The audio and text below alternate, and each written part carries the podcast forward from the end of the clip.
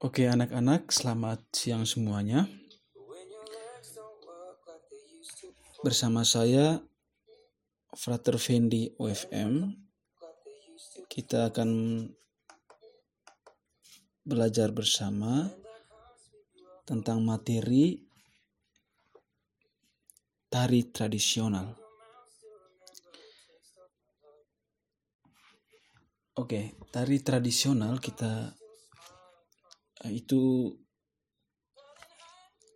tema pokoknya, tema utamanya nanti dijabarkan menjadi tiga hal penting, yaitu yang pertama konsep tari tradisional, yang kedua jenis tari tradisional, dan yang ketiga bentuk penyajian tari tradisional.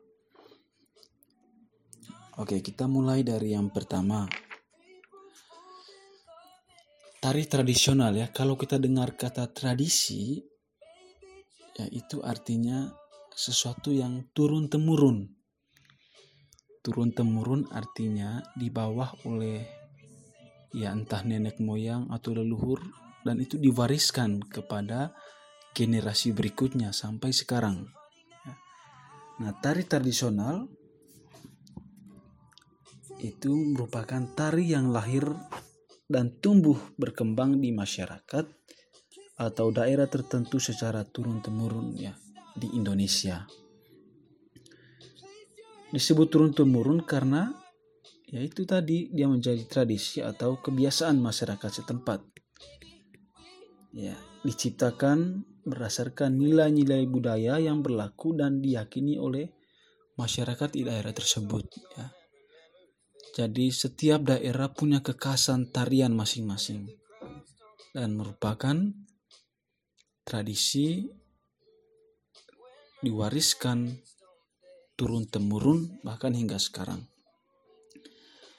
Nah, tari tradisional ini kemudian disebarluaskan kepada masyarakat lain ya melalui pertunjukan-pertunjukan di berbagai kegiatan yang berlangsung ya. Banyak kegiatan kegiatan apa pun itu itu selalu ada tarian di dalamnya ya. Dan biasanya kalau yang menggagas sebuah acara itu tahu tentang kekayaan hal-hal tradisional, pasti dia akan uh, mem, apa ya? Dia akan membawa tari tradisional ini ke panggung ke acara-acara untuk ditampilkan ya Pertama untuk ya mungkin dia mau mem, memperlihatkan kepada orang banyak bahwa tari, tari tradisional ini punya makna, punya arti, dan punya sejarah yang harus diketahui oleh orang-orang yang menyaksikan atau generasi-generasi penerus. Nah, tari tradisional ini dibedakan menjadi dua yaitu tari, tradisional klasik dan tari tradisional kerakyatan. Ada dua ya, klasik dan kerakyatan. Nah, kita masuk ke jenisnya ya. Yang pertama, tari tradisional klasik. Apa kekhasannya? Tari tradisional klasik ini kekasannya itu adalah dia tumbuh dan berkembang di lingkungan istana dan biasanya dikembangkan oleh sekelompok bangsawan atau kaum terpelajar. Ya. Tentu ada banyak unsur keindahan dari tari tari tradisional klasik ini ya. Entah itu bentuk geraknya atau juga ya eh, bukan hanya gerak ya, tetapi keindahan konsep-konsep yang ditunjukkan ya. Biasanya kan kalau misalnya orang mau mempertunjukkan tarian itu di bagian akhir atau di bagian awal pasti dia akan menjelaskan gitu. Tarian ini menceritakan tentang kisah apa gitu ya. Nah, itu ditunjukkan semua. Nah, tari tradisional klasik ini yang merupakan jenis tari, tari pertama ini memiliki bentuk ragam ya yang berbeda-beda ya. Tetapi itu tidak bisa diubah karena sudah dibakukan ya. Karena tarian ini berkembang, tumbuh dan berkembang di kalangan istana, jadi tari ini sudah dibakukan geraknya, bentuk geraknya, jadi tidak bisa dirubah-rubah. Gitu.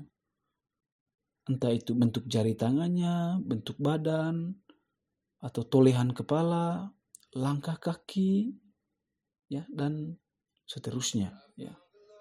Jadi ini sudah ada pola yang baku ditentukan oleh pihak istana, oleh bangsawan atau kaum terpelajar di istana. Nah, iringan yang dipergunakan berupa musik tradisional ya. Menarikan misalnya kalau di Jawa itu tari tradisional ya. Jawa dan Bali ya biasanya menggunakan gamelan ya, gamelan Jawa dan Bali itu biasanya menggunakan gamelan ya untuk iringan ya musiknya. Atau untuk di daerah-daerah lain juga mereka punya kekasan alat musik tradisional lainnya yang bisa mengiringi tari-tarian ini. Ya. Nah, pementasan tari tradisional klasik ini sudah ditentukan oleh kelompok pendukungnya. Apakah untuk acara kenegaraan, upacara adat, atau untuk penyambutan tamu penting di istana ya sehingga suasana dan kesannya pasti berbeda ya misalnya satu tarian ini khusus untuk acara kenegaraan. Jadi punya kekasannya tersendiri. Atau ini untuk upacara penyambutan tamu. Saya yakin setiap daerah punya kekasan ya. Punya kekasan Eh, bentuk tariannya masing-masing, pesan yang mau disampaikan apa dari tarian itu ya. Nah, nah tari tradisional klasik ini juga dikenal dari bentuk penyajiannya yang beragam ya. Yang pertama, bentuk penyajiannya bisa individu. Ya, kadang kita bisa li kita sering lihat kan orang uh, yang menari sendiri ya di panggung. Kalau dalam tari tradisional klasik ini juga ya bentuk penyajian tariannya bisa individu. Tapi bisa juga berpasangan. Entah itu laki-laki dan perempuan atau juga laki-laki dan laki-laki, perempuan dan perempuan. Yang jelas yang kedua adalah berpasangan atau yang terakhir adalah bentuknya kelompok ya bareng rame-rame biasanya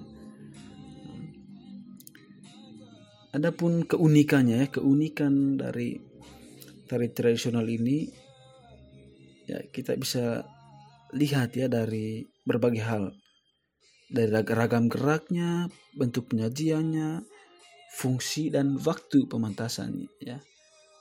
Jadi semua tari tradisional klasik itu tidak sembarang ditempatkan di mana untuk acara apa tapi sudah ditentukan ya. Ya sudah ditentukan.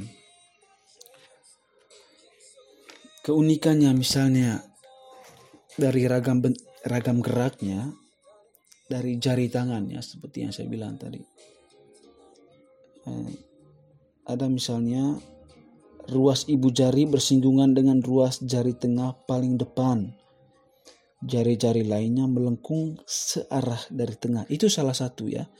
Salah satu gerak jari-jari tangan. Ini merupakan keunikan dari tarian tradisional klasik ini. Atau yang kedua, gerak bentuk tangan. Ya. Yang pertama tadi jari, yang kedua tangan ya. Ada misalnya disebutkan tangan kapang-kapang Artinya kedua tangan merentang sejajar pinggang. Kedua tangan merentang sejajar pinggang ya. Akan sering dilihat ya kalau di Jawa dan Bali itu kelihatan sekali juga ya kalau kita saksikan di setiap daerah atau di daerah-daerah lain juga ya di Maluku, Sumatera Utara, Kalimantan, Sulawesi, Papua dan lain sebagainya. Nah, selain gerak tangan, yang ketiga keunikannya adalah gerak kaki. Ya. gerak kaki. Hmm. Kaki dalam posisi tanjak kanan atau tanjak kiri. Ya, tanjak artinya ya telapak kaki kanan di depan dan kaki kiri tepat di belakang kaki kanan. Ya. Ini kekasan, kekasan tari tradisional uh, klasik ya. Pertama tadi jari, kedua tangan, ketiga kaki. Ya. Itu semua keindahan. Ya, kalau dalam tarian itu itu dinamakan keindahan yang mau ditunjukkan lewat tarian, ya, lewat tarian. Nah, itu dari dilihat dari ragam geraknya ya, tiga hal itu.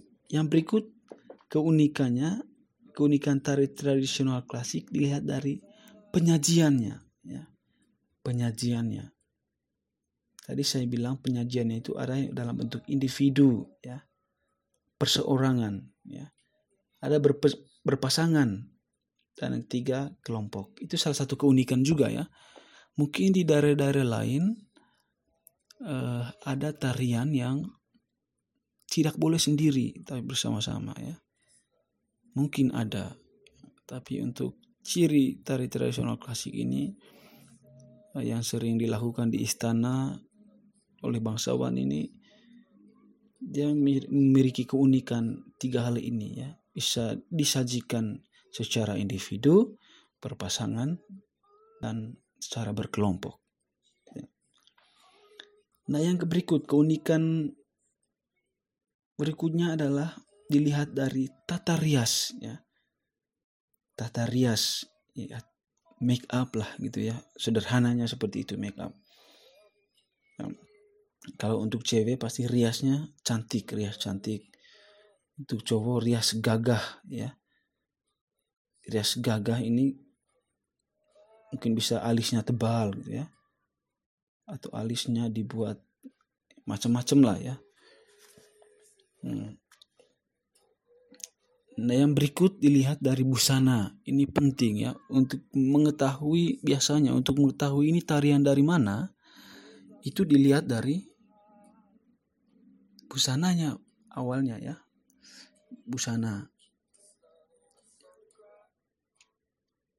ya berbeda-beda setiap daerah ya berbeda-beda setiap daerah ada kekasan masing-masing. Kalau di Jawa atau Bali kita kelihatan ya batik ya.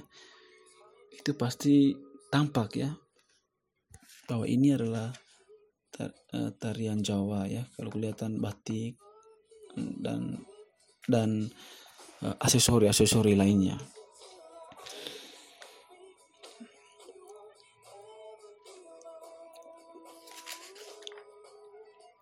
Oke, itu yang pertama ya. Tari tradisional klasik.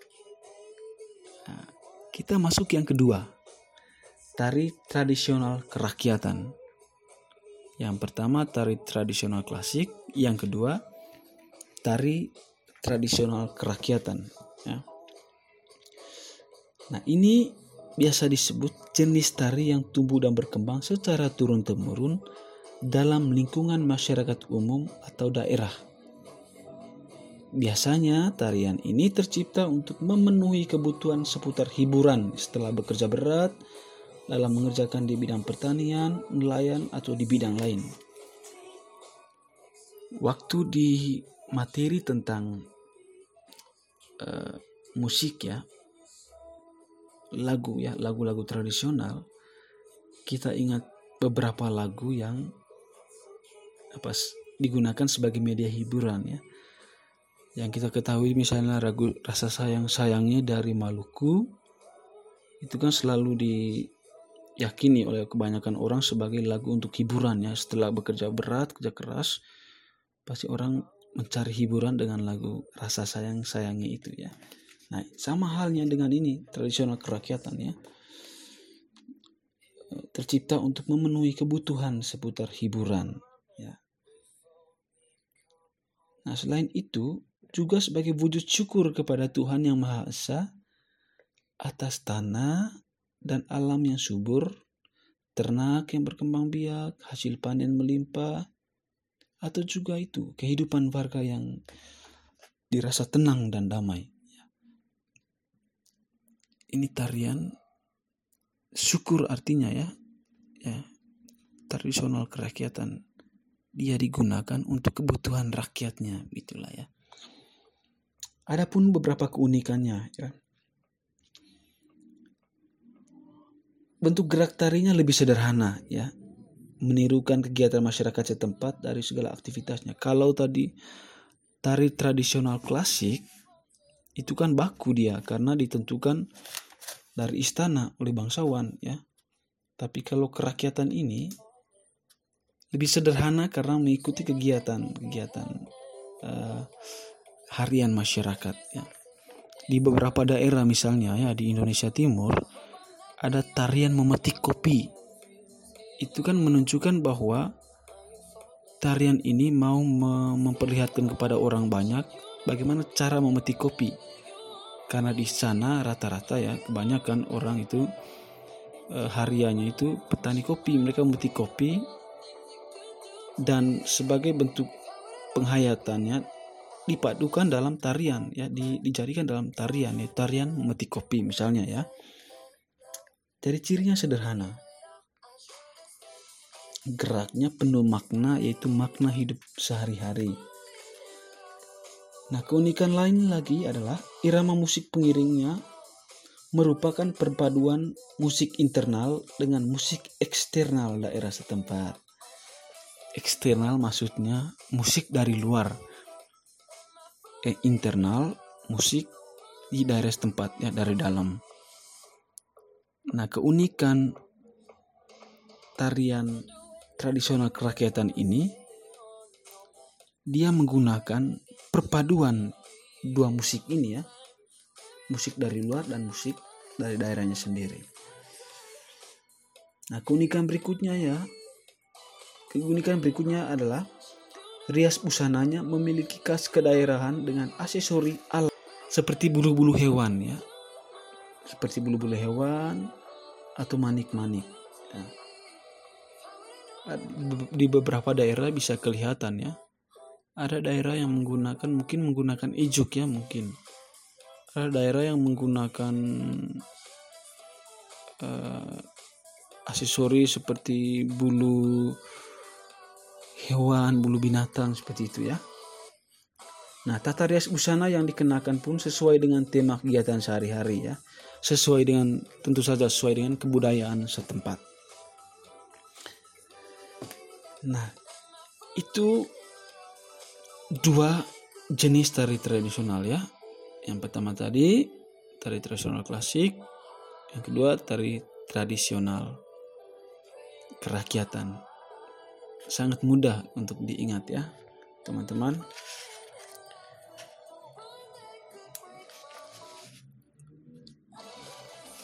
Oke, uh, untuk berikut ya hal berikut hal yang ketiga ya bentuk penyajian tari tradisional klasik ya. Tadi sudah saya sebutkan bentuk penyajian itu yang pertama tari tradisional gaya klasik tunggal. Ya gaya klasik tunggal. Kedua berpasangan. Yang ketiga berkelompok ya. Untuk diperjelas lagi yang disebut tari tradisional bentuk tunggal atau individu itu ya dibedakan menjadi dua yaitu tari tradisional tunggal lepas dan tari tradisional tunggal terikat. Tradisional tunggal lepas itu tidak memiliki alur cerita, sedangkan yang tunggal terikat memiliki alur cerita. Ya. Yang tunggal lepas ya tidak memiliki alur cerita ya, lepas ya sedangkan yang terikat dia ada alur ceritanya karena dia tarian itu terikat mengikuti alur cerita kalau kita perhatikan di setiap pertunjukan tampak sekali kalau sebuah tarian itu punya alurnya ada konfliknya juga sama kayak drama ya kayak drama atau fragmen hmm. contoh ya salah satu contoh misalnya tari topeng ya. Ini semua orang tahu ya, tari topeng Cirebon ya. Sangat terkenal sehingga menjadi ikon daerah tersebut. Tari ini tumbuh dan berkembang di lingkungan kerajaan atau istana Banten dan Cirebon ya. Hmm, itu salah satu contoh saja ya. Eh, tari topeng ya. Nah, yang kedua ya, kedua gaya klasik tari tradisional gaya klasik berpasangan. Berpasangan ya atau ya jelas saja tentu saja berbeda dari tunggal tadi ya tunggal lepas ataupun tunggal terikat ya. Salah satu contoh misalnya kalau tari tradisional gaya klasik berpasangan ini misalnya tari Gatot Kaca Pregiwa ya dia berpasangan dengan tema romantis. Ada juga ya yang jelas kalau romantis pasangannya cowok cewek ya cowok sama cewek itu yang kedua, yang ketiga gaya klasik berkelompok ya. Salah satu contohnya tari serimpi. Biasanya berjumlah empat ya, tapi juga ada yang berjumlah tujuh penari ya, tari serimpi. Tari serimpi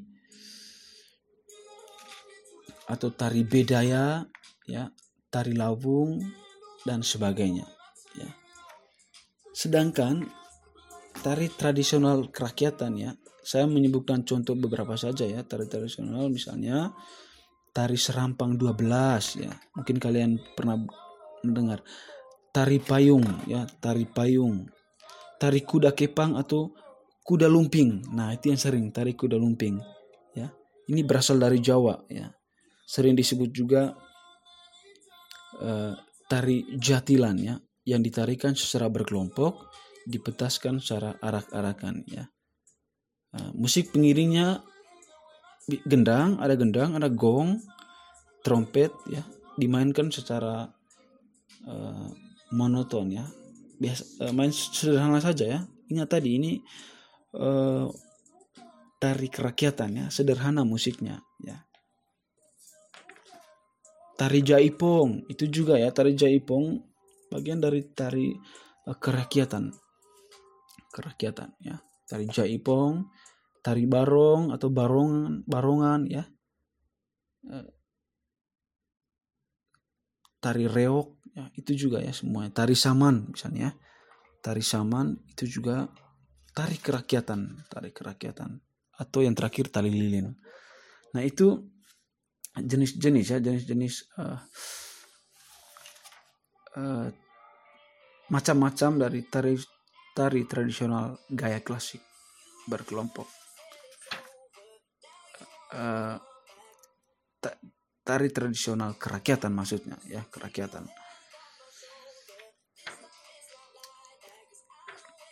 Oke teman-teman uh, itu sekilas saja saya menyampaikan sekilas saja sebagai pembelajaran SBK eh, sebagai rangkuman ya kita sebagai rangkuman perlu diingat. Yang pertama, tari tradisional itu adalah tari yang lahir dan bertumbuh bertumbuh dan berkembang di masyarakat atau daerah tertentu secara turun-temurun di Indonesia. Ingat selalu bahwa kalau kata tari tradisi itu berarti turun-temurun ya. Yang kedua, tari tradisional klasik merupakan tari yang tumbuh dan berkembang di lingkungan istana dikembangkan oleh sekelompok bangsawan dan kaum terpelajar dan mengandung unsur keindahan dan kehalusan. Ya. Tari tradisional tadi itu dibagi dalam dua macam, tradisional klasik dan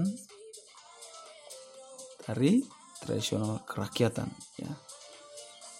Kalau klasik dia lebih kaku karena sudah ditentukan geraknya dalam istana, sedangkan kalau tradisional kerakyatan dia itu bisa berubah-ubah ya. Tergantung kegiatan aktivitas harian masyarakat ya. Bentuk tari tradisional itu lebih sederhana menirukan kegiatan masyarakat setempat dari segala aktivitasnya ya. Itu saja menyangkut uh, tari tradisional ya selalu diingat untuk materi seni budaya kali ini saya tidak memberikan tugas tapi saya minta kalian untuk belajar dan memahami itu yang penting. Oke, terima kasih. Selamat belajar. Jaga kesehatan.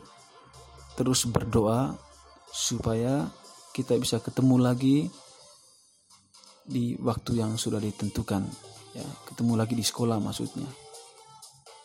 Tuhan memberkati.